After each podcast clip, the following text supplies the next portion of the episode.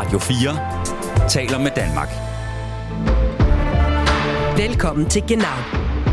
Din vært er Mirko Reimer Elster. Danmarks første discountbutik lukker sine døre inden længe, og dermed forsvinder et stykke tysk kultur og kulinarisk historie, også fra kongeriget Danmark. Vi tager afsked med Aldi i denne uge. Handler du i Aldi? Det kan jeg. Altså, jeg kommer ikke til at savne, jeg handler ikke så meget. Er det noget, du kommer til at savne, altså Aldi? Øh, altså, det tror jeg ikke.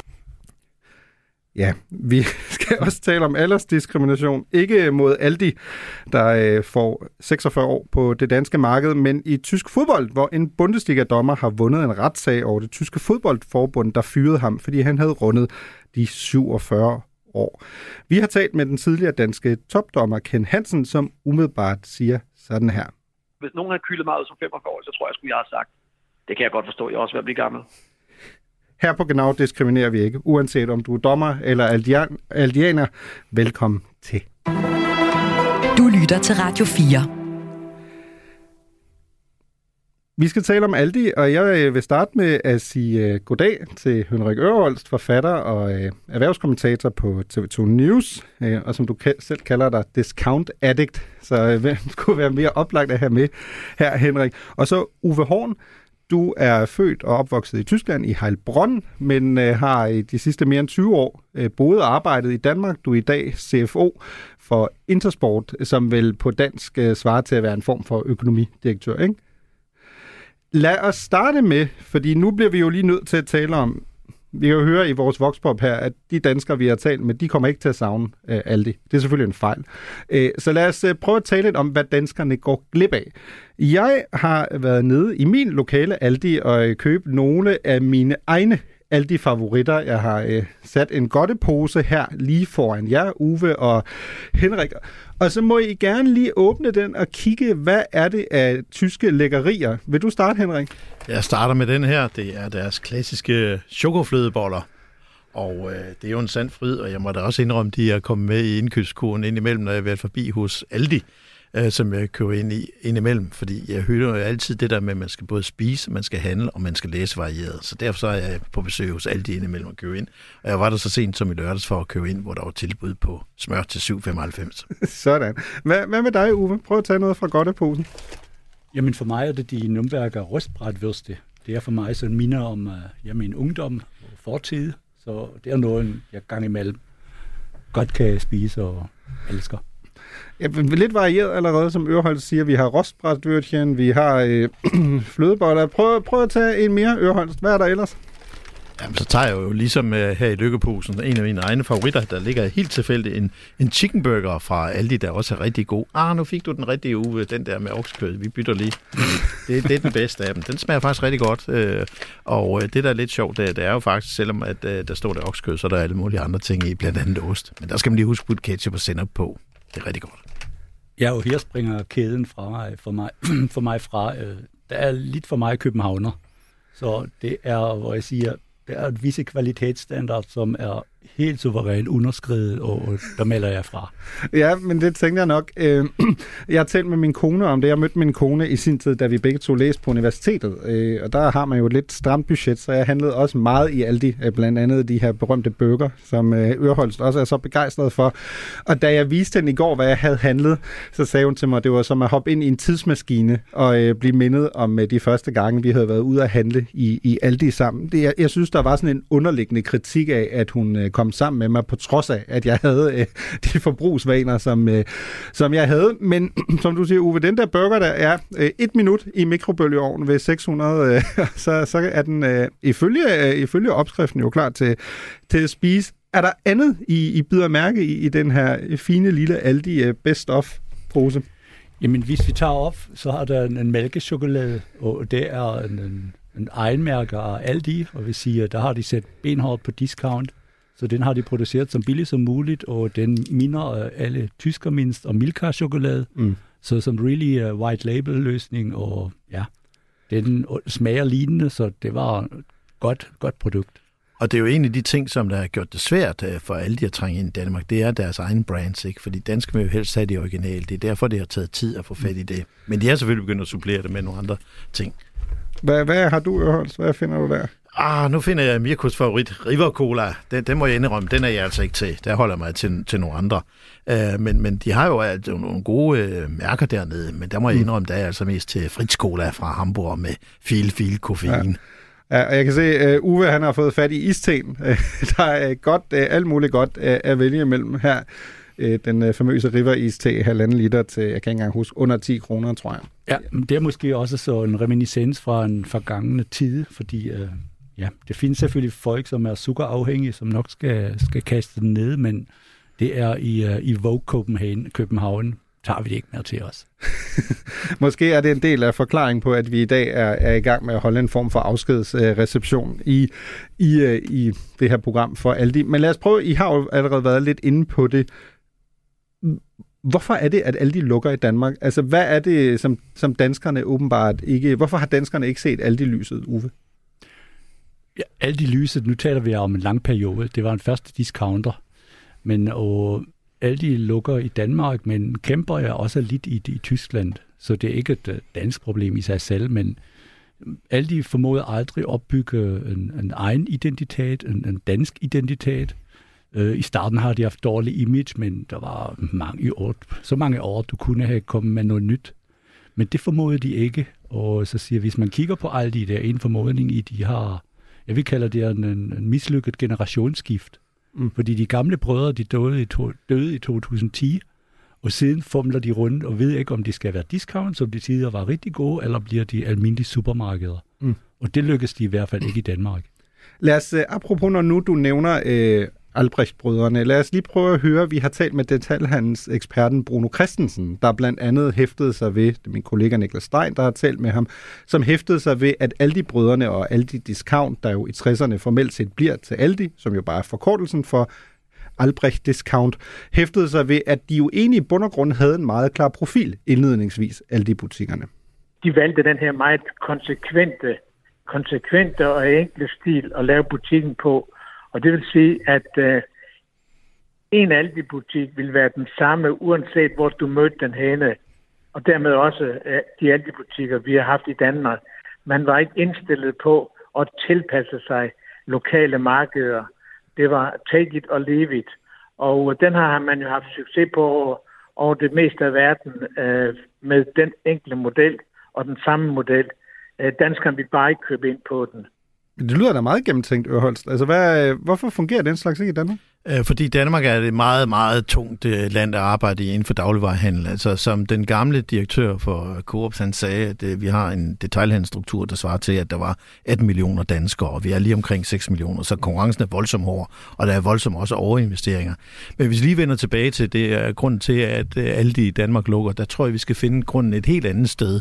Det har faktisk ikke så meget at gøre med Danmark, men det har noget at gøre med, at de to alle de selskaber, Aldi Syd og Aldi Nord, at øh, der er forlydende i tysk presse om, at de skal fusioneres på et tidspunkt. Mm. Og øh, der er store, meget store driftsfordele forbundet med at lægge de der to sammen, på trods de stridigheder, der har været. Og øh, der var en forventning om, at det ville ske allerede sidste år. Det tror jeg først kommer til at ske i år. Og der ser vi så, at grund til, at Aldi Nord de er ved at rydde op i porteføljen af selskaber, og det er derfor, at dansk selskab det bliver lukket, fordi der har man hældt så mange milliarder i, som man har. Og vi ser også, at Aldi Syd de har altså lukket nogle af deres regionale hovedkontorer dernede for at spare penge. Så jeg tror, vi skal finde forklaringen et helt andet sted end uden for Danmarks grænser. Mm. Ja, hvis vi lige skal have lige præcis historien med, den er jo dybt fascinerende. Historien om, om Aldi er jo historien om to brødre, der overtager øh, forældrenes øh, først Tante Emmerladen, som vi, vi kalder den på tysk. Dernæst jo i starten af 60'erne bliver uenige om øh, primært, hvorvidt man skal have cigaretter øh, i butikkerne, som jo er ved at blive et meget stort modefænomen i Tyskland efter krigen, og så deler sig op i Aldi Nord og Aldi Syd. Øhm, og hvorfor vi jo også er samme år, så det sker i 1961. Det er virkelig et år i Tyskland, et vesttysk og tysk historie. Der sker meget. Vi får muren mellem øst og vest, Berlinmuren, og så får vi det, man jo populært på tysk set kalder Aldi-ekvatoren, nemlig at øh, der er en grænse, der simpelthen går mellem nord og syd, og det er der, så den går direkte igennem Essen i, øh, i Ruhrområdet. Det er der, øh, Aldi den dag i dag har sit hovedsæde, og så får vi ligesom Aldi Nord og Aldi Syd der som sådan jo, som du er inde på Øreholdt sted, er en del af et, et samme, sådan et, et form for moderselskab. Der er nogle forskellige organisationer indenunder, men formelt set har vi Aldi Nord og Aldi Syd. Aldi Nord er jo dem, der har drevet Aldi i Danmark, øh, men for eksempel Aldi Syd går jo ganske glimrende, selvom det geografisk ikke giver så meget mening, i for eksempel Storbritannien, øh, som ligger under, under Aldi Syd. Men du, du siger, det handler om noget, der ligger uden for, for, for Danmarks grænser. Hvorfor det? Jamen det hænger jo sammen med, at der er så enorme stordriftsfordele forbundet med at lægge de der to selskaber, plus også, som Uwe også var inde på før, at konkurrencen er også skærpet i Tyskland, og man ser også, at øh, der er begyndt at sætte lidt større krav til sin øh, dagligvarehandel. Og det er også derfor, vi ser, at der har været en svag tilbagegang inden for discount i forhold til den traditionelle dagligvarehandel. Plus også, så ser vi også, at Amazon banker også på der. Så der er et vis pres under det. Mm. Og hvis der er noget, der altid kan forene folk, det er der så spørgsmål om at få flere penge, på trods af de der familiestridigheder, der har været i familien Albrecht i i tredje generation. Det har været ganske voldsomme stridigheder, der har medført retssager og ballade af en kaliber, der er bedre end Dallas øh, tv-serien. Så det er meget fascinerende, det her. Det er på vej til at ske. Og jeg gætter på, at i løbet af øh, 2023-2024, øh, så kommer vi til at se en sammenlægning af, af de to selskaber der. Men det er også derfor, at, at øh, i Danmark vi har været meget overrasket over, at det er sket, fordi der er jo helt rigtig mange milliarder i Danmark, også med store kampagner øh, inden for de sidste par år der, og så lige pludselig så trækker de stikket. Men det skal altså ses i den der større kontekst. Mm. Uwe, du er jo du er født og opvokset i Tyskland, man har jo boet i Danmark i, i mange år efterhånden. Var du overrasket over, at, at Aldi blev nødt til at trække sig fra, fra det danske marked. Det er jo mig bekendt først anden gang, alle de faktisk blev nødt til at trække sig fra et udlandseventyr, øh, der gik, ikke gik så godt. Første gang var i Grækenland, så uden sammenligning i øvrigt. Men var du overrasket over det? Overhovedet ikke. Jeg undrer mig med, at det gik så længe. Så som jeg sagde, om, øh, var de for mig i, øh, efter, efter i 20'erne, i, og søgte efter nyorientering, hvad de skulle, og Danmark var ikke hovedfokus. Men når man kigger på, hvor mange seriøse forsøg, de har gennemført for, for at genetablere sig, så at de er øh, næsten ikke eksisterende. Deres digitalstrategi, den virker ikke. De har kastet lidt penge i det, men i forhold til alle andre spillere, var der ingenting. Og så er vi tilbage til, hvad Henrik siger. Den ene er, det er helt klart en konsolidering i Tyskland, men det er markedssituation i Danmark. Tænk på, vi taler ikke mere om fakta. Mm. Der var lige et fakta, samme historie. Skal vi ikke prøve at etablere en, en, en discounter? Det, den kunne ikke eksistere, og Aldi har aldrig haft øh, øh, rigtige ben i. Så nej, de har holdt længe ud, og nu skal der konsolideres. Lad os prøve at kigge lidt på, vi har jo som sagt talt med, med Bruno Christensen, øh, detailhandelseksperten, og han pegede i det interview, min kollega Niklas Stein har lavet med ham, på at der måske også er en et særlig dansk udfordring her for øh, i forhold til Aldi, og det er, at øh, danskere har øh, tillader jeg mig at sige det som tysker, en, øh, en form for krammermentalitet, når det kommer til. Lad os prøve at lytte til, hvad Bruno Christensen siger.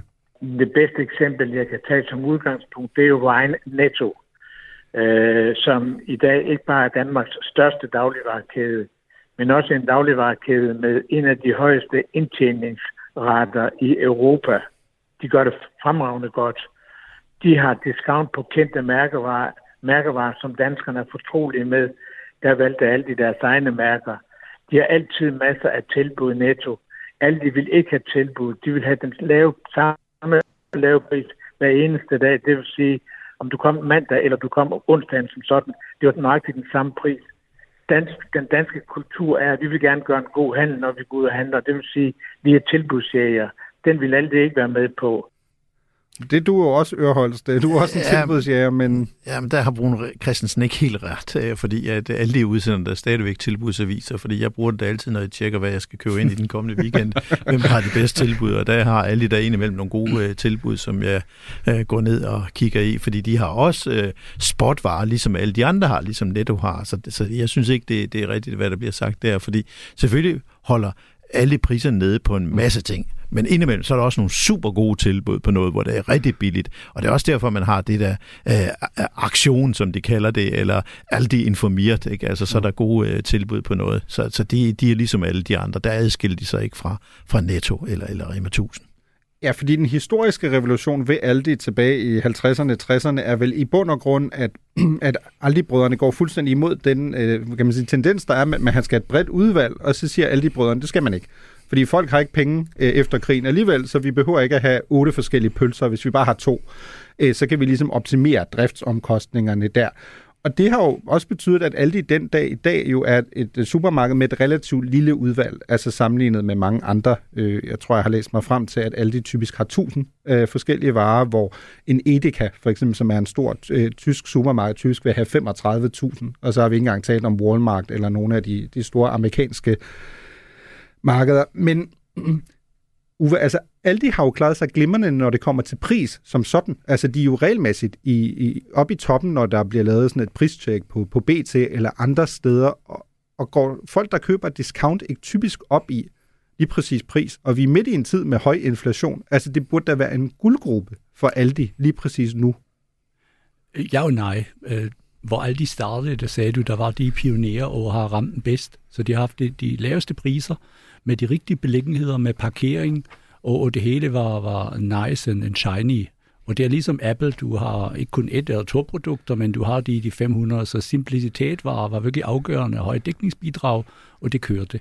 Nu har de overført det koncept til Danmark, så starter det allerede, og lokationerne er ikke så gode. Øh, vi, vi har ikke et lokal ledelse, som er virkelig ud over, fordi de sidder langt nede i Essen. Så har du noget ansat, noget manager, som tolker om, hvad det kunne være, men vi må ikke rigtig noget salg i Danmark, fordi de bestemmer dernede, men hvad vil danskerne egentlig? Så har vi et koncept, som var tilpasset til tyskerne, men ikke det danske. Så bliver det bare ikke til noget.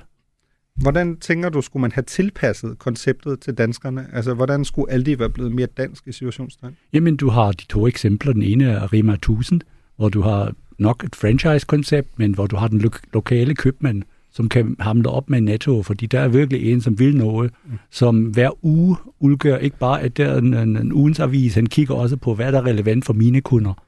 Og så har du også Lidl, som var meget mere ydmyg, og har kigget på, og så siger, hvad er vores varemix af vores egne mærker og, og, og, og stærke brands, og har lyttet til danskerne og har formået det med succes. Hvad, hvad siger du, Holst? Hvad, hvad skulle Aldi have, have gjort bedre? Jeg kan men, næsten men, ikke jo lade være med at bemærke os i den sammenhæng, at du står i en lille trøje. Ja, men ja, altså, Little Lonsi, som de siger, altså et slogan, som jeg synes faktisk er rigtig godt skruet sammen. Uh, men hvis jeg prøver at kigge hen over øh, den lokale Aldi, hvor jeg var på besøg så sent som i lørdags der, så kan jeg se, altså der er et mix med, med både tyske og, og danske varer der, men der er ikke nogen tvivl om, at de tyske varer fylder mere i forhold til de danske, men, men de har også de, de danske mærkevarer på hylden. Og det var noget af det, der var meget svært for dem i starten i 1977, da de kom til Danmark, fordi der havde man jo øh, den her UHT-mælk, der ikke skulle opbevares på køl, og det var med til at definere deres brand i rigtig mange år efter, og stadigvæk sætter præg på, på hvordan folk opfatter dem i dag. Men det er altså blevet forandret lige så stille, så du kan altså godt få almindelig mælk i, i, i en Aldi. Men det er også sjovt at se, når man kigger på historien og ser, altså, hvordan man stadigvæk kan se Aldis historie, fordi det er de øh, da de to brødre kom til, da de kom tilbage efter 2. verdenskrig, hjælp deres mor i forretningen der i, i, i slutningen af 40'erne, så var det helt store hit i Tyskland jo, de der tyske havsfrag der, de fik jo 3% øh, dividende, når de kom med, med øh, kuponerne eller kvitteringerne, øh, når året var slut. Øh, så var ideen, jamen hvorfor ikke give dem det med det samme? Øh, og, og så skralde de sortimentet lige så stille, og det vi ser så op gennem 50'erne, det er, at man lige så stille laver sådan en slags for-discount, og først der i begyndelsen af 60'erne bliver det til rigtig discount med, med Aldi der jo står for Albrecht Discount. Mm. Noget andet, jeg tænker på her, er, at det har jo været meget slående også, øh, tror jeg især, når man, når man er født og opvokset i Tyskland, det er jo, at, øh, jeg kan jo ikke øh, undgå også at tale om det, at der har været meget røre omkring, at et, et dansk supermarked kommer til luk en længe. Det er Irma. Øh, Uwe, du fortalte mig, at du jo også havde været øh, forbi øh, hvad kan man sige, kalde det, en protestaktion i forhold til, at din lokale Irma kommer til at blive, blive lukket i, i Charlottenlund. Vi har jo ikke set sådan, den samme sådan, vilje til at danne øh, menneskeringen eller gå med sørgebind øh, eller andet, når det kommer til, til Aldi. Øh, så vi gik øh, på gaden i Aarhus øh, for at høre nogle tilfældige danskere i forhold til, hvad de egentlig synes om, at Aldi lukker i Danmark. Jeg kommer fra Radio 4, jeg er ved at lave et radioprogram om, at Aldi lukker. Handler du i Aldi? Det er klart, du har aldrig handlet i Aldi? Jo, der har været det, men altså, det er ikke, det er ikke så tit. Skal du ind og handle i Aldi? Øh, ja. Må jeg, må jeg kort spørge dig, om det er noget, du kommer til at savne, altså Aldi? Øh, altså, det tror jeg ikke, fordi der er jo så mange handlemuligheder, og nu er det også helt tilfældigt, at jeg er her i dag. Øh, vi skal bage faste lavnsboller, og de har billigt smør. Du har ikke noget forhold til Aldi? Nej. Så jeg du er ikke ked af, at de lukker? Nej, det tror jeg ikke kommer til at tænke så meget over. Der, er- der er en soulmate til dig, Øreholst. En, der skulle altid for at købe billigt smør. Øhm, det er selvfølgelig også meget oplagt i, i de her faste lavnstider. Men peger den her voxpop også på nogle af problemerne? Altså i forhold til, det virker som om, der er jo en, der siger, jamen, der er så mange muligheder. Så, så hvorfor tale om det, hvor at indtrykket med Irma er jo, at Irma har en meget stærk identitet. Altså det er jo nok også det, der har været medsagende til, at der er nogle mennesker, der går på gaden. Øh, Jeg kan jo se, at øh, hvis man går på den blå avis, så er der jo Irma-net, øh, der er til salg. Øh, Jeg har set et øh, til så meget som 1.500 kroner øh, på den, øh, den øh, blå avis. Jeg ved ikke, om det er noget til sådan børneopsparing. Øh, Og der kan man sige, at den lobby har Aldi jo ikke på, øh, på samme måde. Så øh, den udfordring tager vi selvfølgelig gerne op her i Genau. Øh, så vi har indkøbt 10 Aldi-net, øh, og dem vil vi rigtig gerne efter først til mølle-princippet selvfølgelig give til nogle af vores trofaste lyttere. Så I skriver bare til øh, genau radio 4.dk, genau radio 4.dk, og så er der altså nogle øh, Aldi-net, som vi rigtig gerne giver til nogle af de øh, aldianer, der øh, burde være derude. Uwe, du var jo som sagt, øh, du stod der. Du, du er utilfreds med, at den der Irma lukker. Men der, er der ikke en- også en Aldi relativt tæt på, eller hvordan er det? Der, hvor du bor. Det er det faktisk ikke. Jeg bor, jeg bor i øh, Gentofte-ghettoen, og det er, det er Coop. Det er Coop og menu øh, område. Vi har faktisk ikke i nærheden Aldi. Vil du være gået på gaden, hvis der havde været en Aldi? Det har jeg bestemt ikke gjort. Men du Nej. var der i forhold til Irma.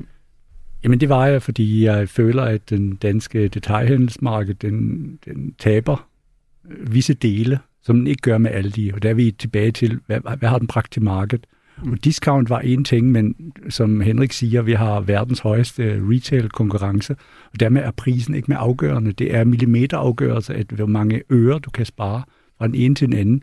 Og så skal du sammenligne dig med lækre nettobutikker, som har nye interiører, som du skal sammenligne dig med en discountbutikker, som har alle økologiske varer fra den overste hylde, så bliver det svært. Er du enig, Ørhans? Ja, det er jeg, men, men, men jeg vil også lige få til, at det er jo ekstremt svært at tjene penge i den her branche. Og vi ser jo også, selvom man har et kæmpe stor volumen der, så er det små markeder. Det er også derfor, at Per Bank, der er administrerende direktør for Selling Group, han har et godt udtryk, der hedder retailing is detailing. Det er på de små markeder, at indtjeningen ligger. Og det er også derfor, når der udbryder en priskrig på bananer, det er jo katastrofalt for hele detailhandlen, fordi at det, det er den mest udbredte vare, man overhovedet har i verden der. Så det, der begynder indtjeningen at blive presset. Men, men der er brug for en voldsom øh, strukturtilpasning inden for dansk dagligvarehandel. Og jeg vil sige, der er et voldsomt samfundsmæssigt spild, når vi ser alle de der kæder, der de moderniserer hinanden. Og vi ser jo også det, som Coop har gjort lige nu med, at det går fra otte kæder til tre. Det synes jeg faktisk er, er rimelig klogt øh, at gøre det.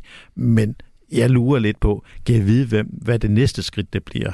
Øh, nu gør Coop noget, men, men jeg kan også godt forestille mig, at der er andre kæder, der må bide lidt i det sure æble og lukke nogle butikker rundt omkring. Men prøv at forklare mig det, øh, Det er nu øh, ikke den store hemmelighed, men jeg er jo sproglig student. Så halvdelen af det, du siger, det er jo sådan fremmedsprog for mig, i forhold til, hvordan detaljhandel fungerer og sådan nogle ting. Jeg tænker bare, at hvis du som Aldi i Tyskland ligesom præcis har vundet den markedsplads, der er, at du kan gøre det billigere end alle andre. Vi kan se for eksempel, da Aldi kommer ind i Storbritannien, at prisen på dagligvarer falder med 15 procent det første år. Underforstået, Aldi presser hele markedet nedad og du siger, det er i forvejen et område, hvor det er svært at tjene penge. Hvorfor løber Aldi så ikke lige præcis afsted med det, når alle til tilsyneladende har været så god til at presse markedet ned i pris, været så god til at lave aftaler med leverandører. Hvorfor, hvorfor lykkes det ikke i Danmark? Fordi de er en lille bitte spiller i, i Danmark. I, I Danmark har vi, som økonomer vil sige, næsten et, et duopol inden for det der, hvor vi har på den ene side Coop og på den anden side et Selling Group, der, der stort set deler markedet. Det er de helt store spillere inden for det der.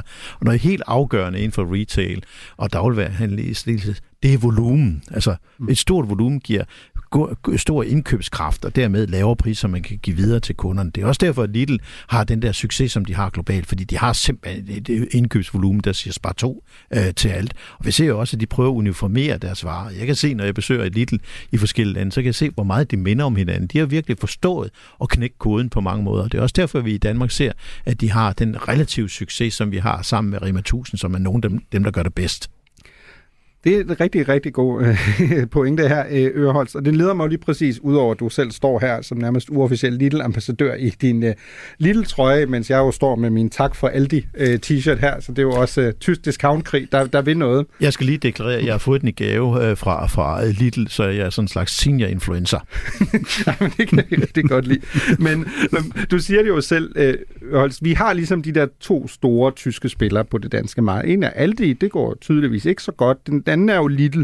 Øh, Lidl kom jo først på det danske marked i 2005, har i dag øh, langt over 100 øh, butikker, og har jo apropos at det her er sådan en form for afskedsudsendelse i forhold til Aldi, jo faktisk lige annonceret, at man, har, at man køber fire Aldi-butikker, blandt andet en i, i Aarhus. Det er jo virkelig et, også et meget symbolsk øh, skifte i sådan det tyske sådan discount-forsøg på at komme ind i, i Danmark. Øh, lad os prøve at høre, hvad Bruno Christensen, detaljhandelseksperten, siger i forhold til lige præcis den pointe, du også har øreholdt, i forhold til, at at Lidl måske ikke nødvendigvis har taget ved lære af Aldis fejl, men i hvert fald er væsentligt bedre organiseret i forhold til at komme ind på det danske marked. Aldi står jo som moder for discount i hele verden, og på et tidspunkt var Aldi øh, på top 3-listen over de største detaljhandelsvirksomheder i verden.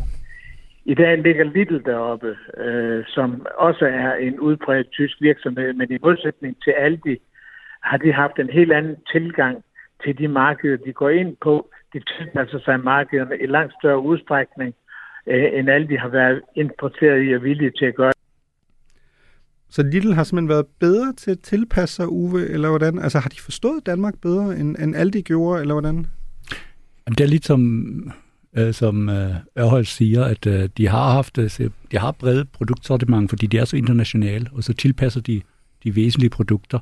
Så siger til det danske marked, og som han også har forklaret i, så er produktmixet er vigtigt. Hvad har jeg som internationale produkter, hvor jeg har mega store volumer, og hvilke danske produkter er must-haves, som jeg skal have med, hvor jeg måske tjener lidt mindre.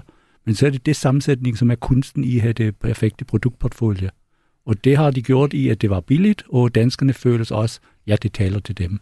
Altså fordi det er sådan, hvis jeg forstår det rigtigt, fordi det er sådan en kombination af, at du skal have nogle produkter, der, der er billige, men så skal du have nogle produkter, hvor en, for eksempel en dansker vil insistere på, at hvis jeg skal købe smør, så skal det være et bestemt mærke, eller det skal være noget bestemt.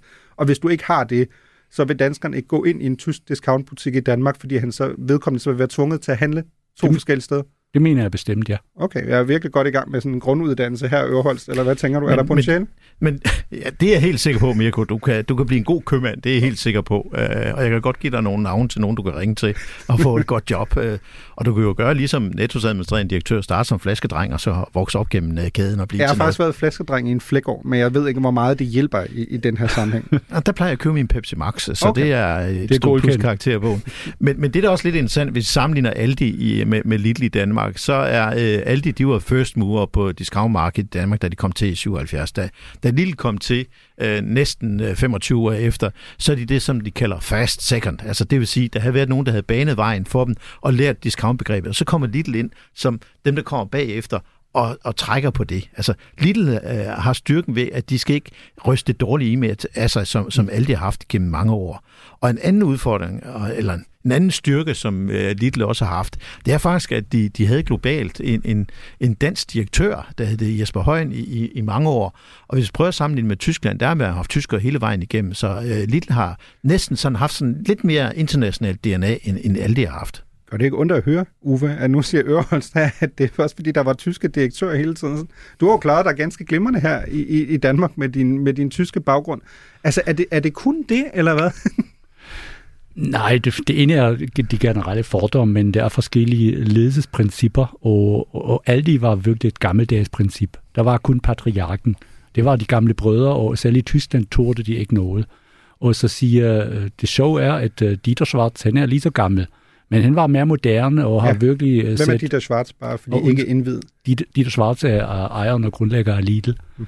Og, og han har, som Henrik siger, har opsat mere moderne ledelse, og det er afgørende i, at han har tilpasset sig i det danske marked.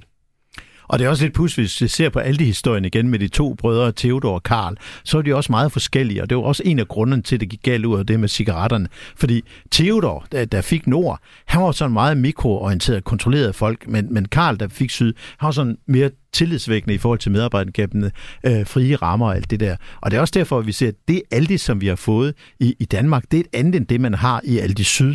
Nu er jeg desværre endnu ikke besøgt en, en Aldi Syd. Det er en stor fejl i min opdragelse der, men, men det er noget helt andet end de Aldi'er, som vi ser i, i vores del af verden. Det lyder som sådan en, du skriver på dine 100 ting, jeg skal nå, inden jeg dør, ikke? Det garanterer dig for. Aldi Syd.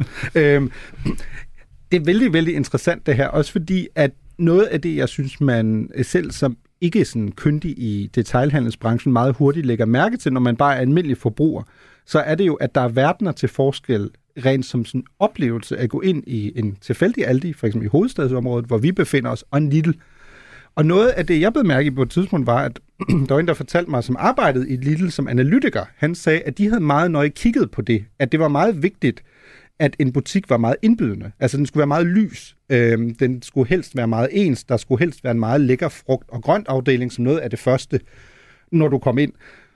Og der kan man vel sige, i hvert fald i de, de Aldi'er, jeg har været i hovedstadsområdet, det er jo ofte ikke øh, tilfældet. Ikke? Det går vel mere tilbage til det her gamle Aldi-princip med, at du skal helst få så meget ud som muligt af de kvadratmeter, du har. Så er øh, æstetik måske lidt underordnet.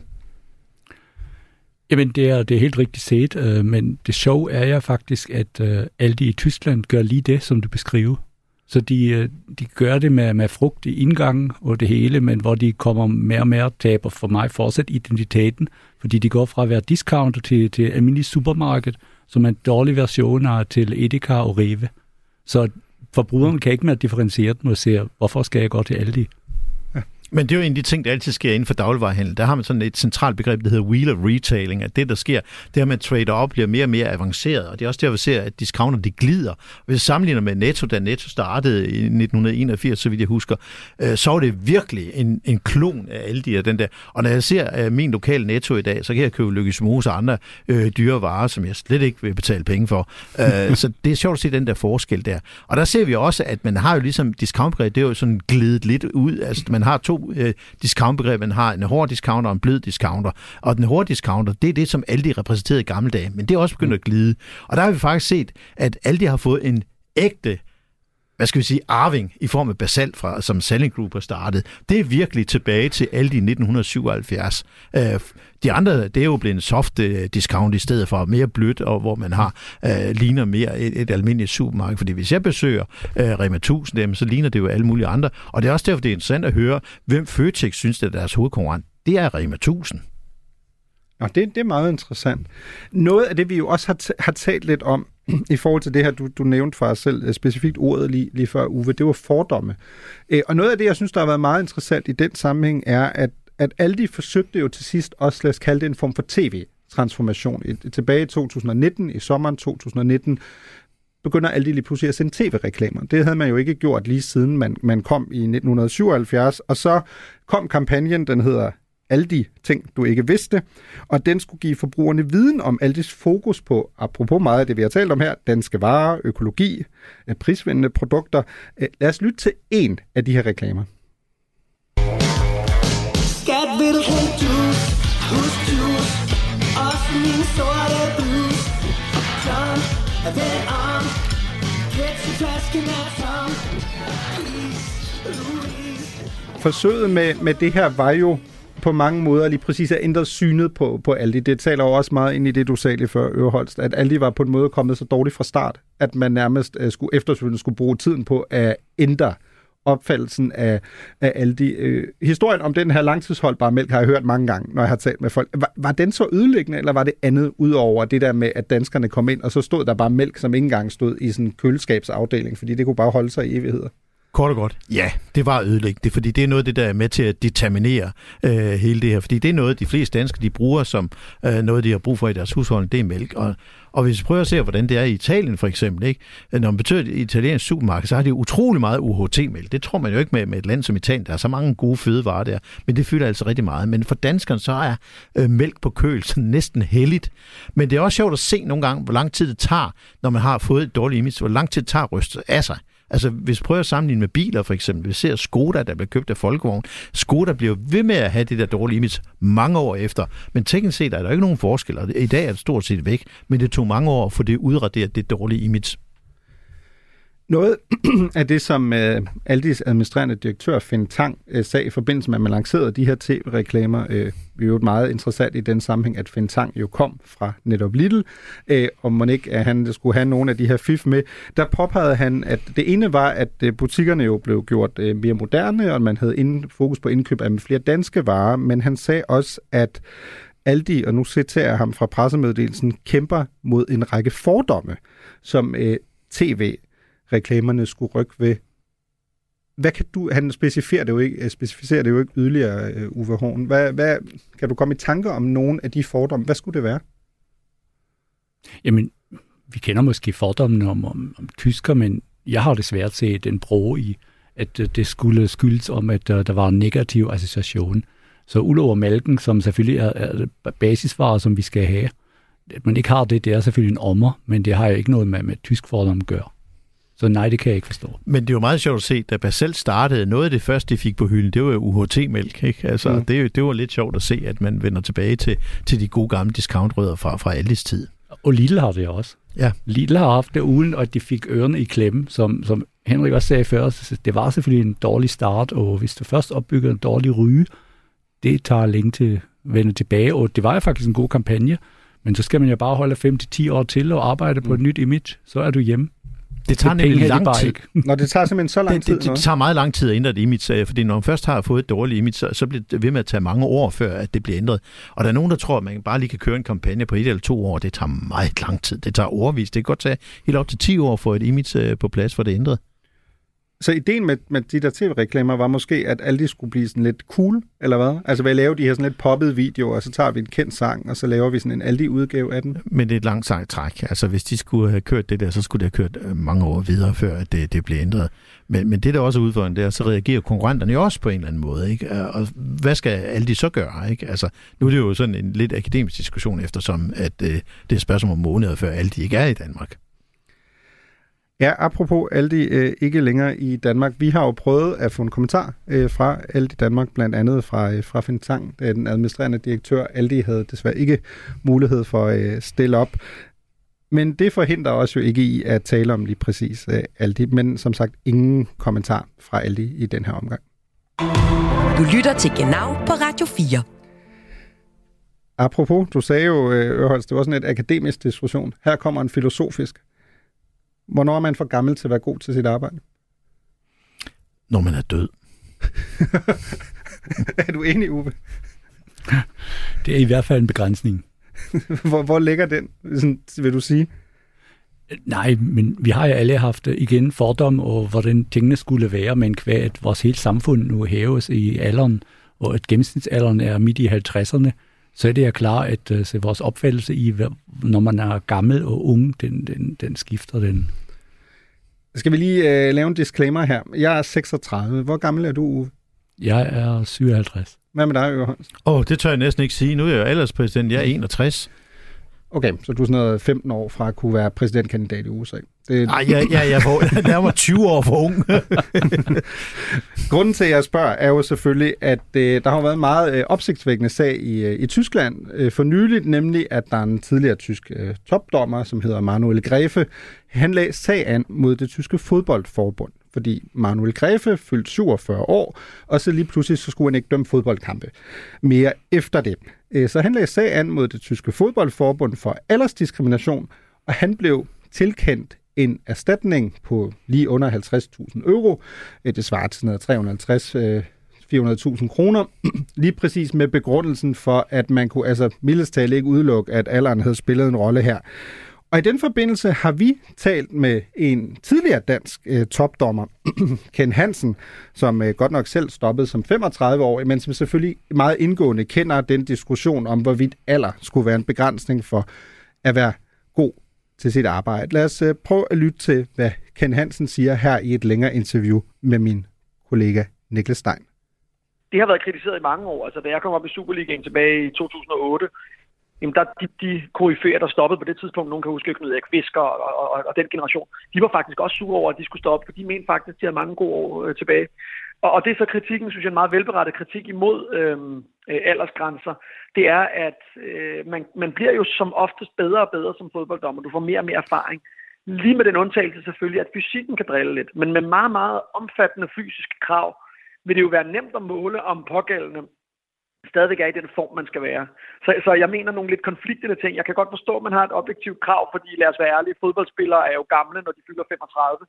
Så vil man rigtig gerne have, at der render en dommer rundt på 49 år. Altså jeg ved også bare nu som 42 år i kroppen, er jo ikke lige så effektiv, som den er som, øh, som 30 år. Så, så jeg, kan, jeg kan forstå, at den har været der, men jeg synes, det, det er endnu bedre selvfølgelig, at man har nogle mere... Øh, individuelle assessments af dommerne, som man siger, altså hvis du er god nok som 48-årig, så, så kan vi selvfølgelig også godt bruge dig. Det, det er det, der er sket i de sidste 10 år på tværs af Europa og verden. Ken Hansen, ham her, den tyske, tidligere tyske topdommer, er det jo som Manuel Grefe, som jeg, som jeg også nævnte, som har vundet den her sag over det tyske øh, fodboldforbund øh, for aldersdiskrimination. Øh, husker du ham øh, fra, fra din tid, og, og ved du noget om, hvor god en dommer var han sådan egentlig, hvis vi breder det ud på, øh, på mere ja, end bare tysk plan? Ja, ja, ham kan jeg sagtens huske. Altså, han var, sind, han var sindssygt dygtig dommer. De tyske dommer er som regel ret gode. De har næsten altid nogen med på aller, aller øverste hylde, og, og selv dem, der ikke er på aller øverste hylde, er som regel øh, langt bedre end nogle af danskerne faktisk. Så det er, altså Bundesligaen er en super sej øh, fodboldliga, og de er ret gode. Øh, og han var god. Jeg synes, at altså, tillykke med, de, øh, med, med nogle 100.000 kroner. Altså, det er jo noget, han kunne have tjent på et halvt år som, som topdommer internationalt. Øh, så det er, jo, det er jo nok mere en principsag. Øh, jeg synes, det er jo sådan lidt en fagforeningstilgang, som man trækker ned over elitesport. Det synes jeg er lidt mærkeligt, hvis jeg skal være helt ærlig. Øh, så får han de her penge som en kompensation, men jeg, jeg synes jo, indgår du i, i, i elitesport på det her niveau, så synes jeg at begynde du ved, at pege på funktionærloven. Der var også nogen, der forsøgte at gøre det i Danmark for nogle år siden. Det synes jeg faktisk er lidt fesen. Altså, det, det er jo ikke ligesom arbejde øh, på en fabrik eller sådan et eller andet, hvor der selvfølgelig skal være nogle, nogle fine vilkår for alle aldersgrupper. Det er elitesport, og hvis de vælger det at sige, prøv at vi gider sgu ikke at have nogen, der er ældre end 45, så synes jeg faktisk, det er okay. Altså, nu, nu, nu stoppede jeg jo øh, 10 år inden, jeg skulle have den diskussion med nogen. Men hvis nogen havde kyldet mig ud som 45 år, så tror jeg, skulle jeg have sagt, det kan jeg godt forstå, jeg er også ved at blive gammel. Det, øh, det kunne Manuel Grefe jo så ikke, øh, tysk topdommer. Han, han synes ikke, at hvis der er en, ikke en officiel aldersgrænse, men der er en klar præcedens for, at når man rammer den alder, så, så får man ikke flere kampe, øh, fordi der er noget med helt banal alder. Er, er du enig i det, Uwe Horn? Altså er det rimeligt? I forhold til, at man, der er en, en udløbsdato? Jamen det er det ja. Men spørgsmålet er altid, hvornår. Og, og her kommer vi ind i, at grænserne de, de bliver skubbet. Og hvad han har jeg scans om, var at sige, hvad er, hvad er vurdering for evne, hvilket øh, ydeevne skal jeg have, og den er ikke defineret, og dermed har han også vundet. Så spørgsmålet er, og det kan man så sige, ja, hvis han er en, en Ronaldo i, i fodbold og, og topfit, og, eller øh, Slatteren, som har også skubbet grænserne. Han måtte ja normalt ikke mere spille fodbold. Det kan ikke lade sig gøre, men nogle enkelte kan. Og så kommer vi til, at vi som samfund skal indstille os, at vi har flere og flere ældre, og vi skal diskutere de grænser, og hvad er rimeligt og ikke rimeligt. Hvad, hvad siger du, du alderspræsident Ørholz? Øh, jamen altså, nu føler jeg mig ekstra gammel på mange måder, ja. men, men jeg må indrømme, så kom, nu hvor du startede med det med alder, så kom jeg til at tænke på Konrad Adenauer, der var den første mm. tyske kansler efter 2. verdenskrig i 1949. Han sad indtil 63. Han var 73, da han blev udnævnt til det meget tunge og besværlige job der. Og på det tidspunkt var der ikke nogen, der talte om, at han var gammel øh, på nogen måder der. Og jeg synes på en måde, det er noget knald, fordi det er meget individuelt, hvornår man er gammel, og hvornår man er ufeldig med, med det her. Mm. Og som en af mine gamle studerende, han sagde engang, jeg underviste, så citerede han hans gamle chef, han sagde, det er sjovt, dengang jeg var ung, var der aldrig nogen, der talte om, at jeg var åndsfrisk, ikke? Og det gælder også den her sammenhæng. Altså, bare fordi man er gammel, behøver man ikke være udbrændt. Så jeg kender også nogle eksempler på nogen, der er gamle udbrændte, men jeg kender også nogle unge i midten af 30'erne, der er udbrændte, og jeg nævner ingen navn her okay, okay også. så fik jeg lige den, tænker jeg, men øh, du er jo du er meget diskret. Øhm, nå, lad os sige, man er udbrændt som 36-årig, men Manuel Grefe var jo, siger han jo selv, han var jo ikke udbrændt. Han siger, jamen han kunne sagtens have fortsat, så han føler, at han bliver offer for, om end ikke en nedskreven aldersgrænse, så en noget, man håndhæver. Men er der ikke også noget, og nu taler jeg virkelig tilbage til dig, Øreholst, som tak for den sviner, og egentlig fortjener du det ikke. Men, tak. Men, men Øreholst, der er vel også noget, der hedder erfaring. Erfaring, det er jo også et meget spændende begreb, fordi erfaring, det der gør, at man som ældre kan nogle ting, som de unge ikke kan. Fordi de unge, de har energien og hastigheden, men det, som vi seniorer kan, vi kan se om hjørner, som Bjarne Hastrup, han skriver i bogen øh, Seniorkugle, Senior Cool, som han udgav sidste år. Og det er også øh, vigtigt at huske på, at bare fordi man er ung, så er det ikke ens tid, man altid har de, de rigtige løsninger. Og vi kan også prøve at vente om at sige, hvis man skal ind, øh, gennemføre en eller anden indviklet operation, vil man helst operere sig af den erfarne overlæge eller den unge reservelæge, der har 12,5 i gennemsnit, i en eller anden helt vildt høj, der vil jeg nok også vælge den erfaren. Nu er det ikke dig, jeg tænkte på med det med alder, skal jeg lige skynde mig at sparke ind her. Hilfe, Uffe, Uffe, Hilfe. Du, du bliver simpelthen nødt til at hjælpe os her. Du, du er lige i midten mellem mig og Holst. Prøv at hjælpe os her. Hvad, hvad er det? Er det en diskussion om alder? Er det, er det fjollet? Giver det mening at sætte nogle, nogle rammer? Øhm, er det, som Ken Hansen har jo også en meget interessant pointe, han siger, prøv at høre, hvis de vil lave grænser, så er det deres gode ret, og så må man ligesom acceptere det. Er det ikke helt fjong? Eller synes du, det er ud af trit i forhold til, hvordan vi bevæger os som samfund? Jamen nu skal vi ikke have en Vogue-diskussion. For mig er det, som sagt, det er ydeevner. Hvis han nu er, er virkelig mega hurtig, sporty og kan følge med, så er det for mig ikke noget, og så har han plus erfaring, så kan han selvfølgelig være med, men som den anden, den danske øh, referee sagde, hvis du ikke mere kan følge med, hvis øh, hastigheden er ikke mere give, så, så kan du ikke være med, og det kan være ret forskelligt. Det kan være, at nogle stopper med 35 være med, og han måske med 47 var fortsat mega hurtigt. Altså, det, det er jo meget individuelt, ikke? Mm. Altså, jeg tror ikke, der er nogen, der betegner Mick Jagger for Rolling Stones som en, en gammel idiot. Det, det tror jeg ikke, der er ret mange, der vil, på trods af hans fremskridende alder. Mm. Og det samme ser vi også med nogle tyske tv-stjerner. Vi ser, hvor mange år de har været med. De bliver stadigvæk ved med at øh, sælge billetter. Jo, ellers... Dorte Kollo, for eksempel. okay. ja, sport, sport er måske lidt anderledes, og det er også en aktiv sport, og der har vi altså en, ikke en ungdomskultur. Men som sagt, øh, Ronaldo og, og Zlatan, de har rykket grænserne. Og så dermed skulle vi bare have en diskussion. Jeg siger ikke, at den skal være referee til, til 60, mm. men hvornår, hvor længe kan man egentlig? Og i Tyskland, de har bare arbitrære fest, det er 47. Ja, og du tænker, altså når du for eksempel bliver ved med at referere til Cristiano Ronaldo, fodboldspiller, han er 38, han, han virker jo meget frisk, altså han virker i hvert fald mere frisk end jeg, som er 36, så jeg tænker, øh, så er der, øh, som du henviser til, Zlatan Ibrahimovic, den svenske fodboldstjerne, tror jeg, han er 39 eller 40 nu, ikke? Øhm, men det hele handler vel også om, og det er jo sådan noget af det, der også er svært i de her diskussioner, at det er jo også, Ken Hansen siger det også på et andet tidspunkt i det her interview, vi har lavet med ham, der siger han, jamen prøv at høre, du bliver jo ikke dårligere den dag, du går fra at være, lad os sige, 45 til du er 46, eller den dag, du går fra at være 46 til at være 47. Så han abonnerer jo også på, at man skal lave, som du siger, Øverholst, individuelle vurderinger, og så må man ligesom se, måske er der en på 50, der stadig vil kunne dømme øh, på, på topniveau, og så er der en på 43, hvor man må sige, men kan I genkende det? Fordi du har jo en interessant pointe, øh, Uwe, altså i forhold til, at vi bliver ældre og ældre som samfund. Så vi bliver jo lige meget været nødt til at indstille os på, at grænserne for, hvor længe vi arbejder øh, og så videre, bliver, bliver flyttet. Men samtidig er der vel med nogle ting også noget om, at øh, nogle gange er det måske sådan Ørholst, at den yngre generation er mere øh, vant til at bruge, lad os bare for eksempel tale om moderne kommunikationsmidler. Det er en i 30'erne vel trods alt øh, mere vant til at, at bruge end øh, en, der er 61 eksempelvis? Det kommer meget an på, hvem man er, fordi jeg kender altså også nogen, der er ekstremt digitale, og vi skal altså også huske på, at, at for eksempel dem, der opfandt øh, de øh, tra- øh, transistoren i 1948, altså hvor gamle og aktive de er. Og vi ser stadigvæk, der Nobelpris her, der er langt over 90, der stadigvæk forsker. Altså min, min egen ovenbo, Ip, øh, der er pensioneret læge, han er, øh, så vidt jeg husker, 90 år, han forsker stadigvæk for fuld hammer. Så jeg synes, man skal være lidt forsigtig med at bruge alderen alt for aktivt. Men noget af det sværeste, det er det der med at stoppe på toppen.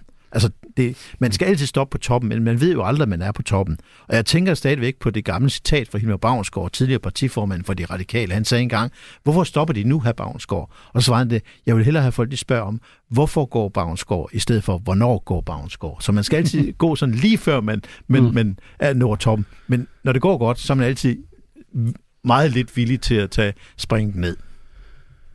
Men handler det ikke lige så meget om, også øh, apropos den her lidt større diskussion, at vi, du, jeg synes, I indikerer det også lidt mellem linjerne, ikke? At, at vi er sådan meget for, måske for hippet på at kigge meget på, at nu skal vi være unge og innovative. Øh, vi kårer øh, de unge talenter.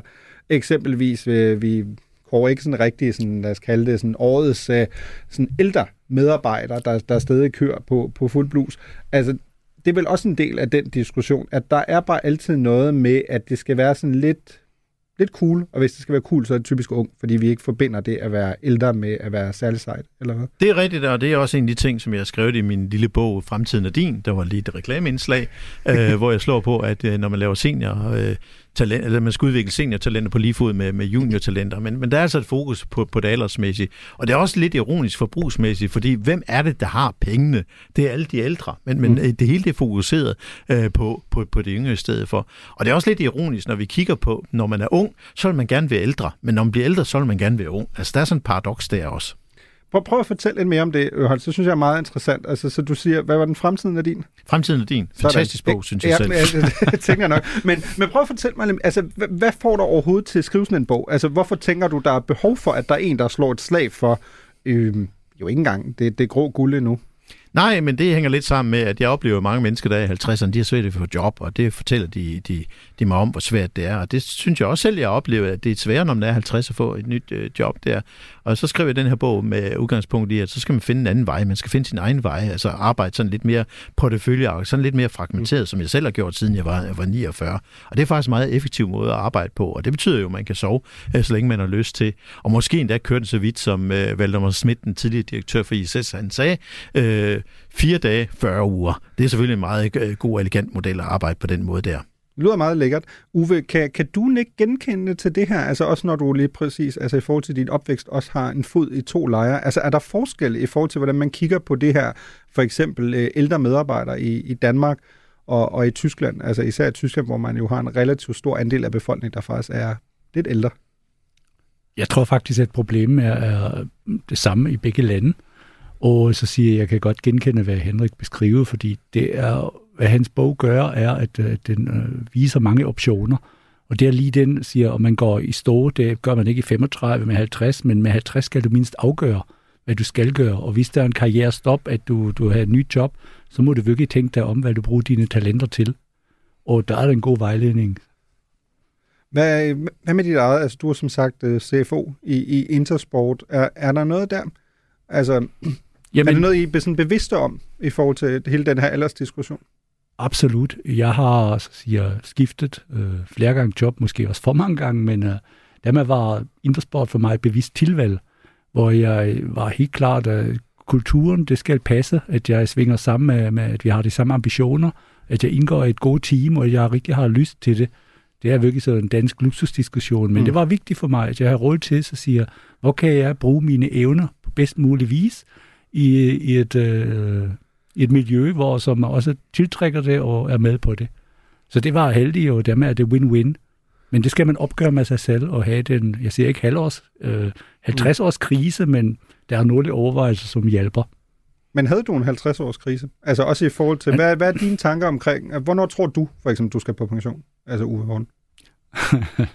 jeg skal, det ved jeg ikke, fordi jeg skubber det så længe hen. Men jeg havde en, en forsinket uh, halvår, uh, 50 års krise, og har opgjort med mig, om jeg hvordan, hvordan kørte min karriere.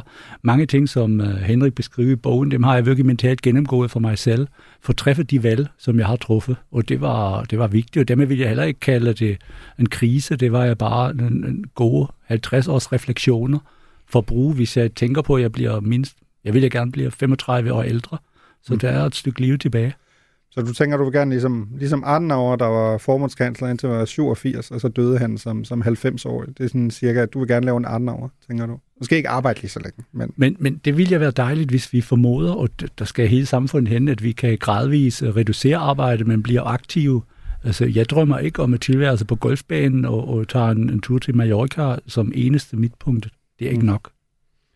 Hvad, hvad med dig, øh, Åholst? Altså, du, du virker jo ikke i, du virker ikke i krise, kan, kan jeg vist godt øh, konkludere. Du virker jo ret meget i, i overskud. Er det på grund af de valg, du har truffet, altså i forhold til, hvordan du gerne vil leve dit liv her, efter du gik ind i 50'erne, hvor du er sådan lidt mere en fri fugl, eller hvad skyldes det?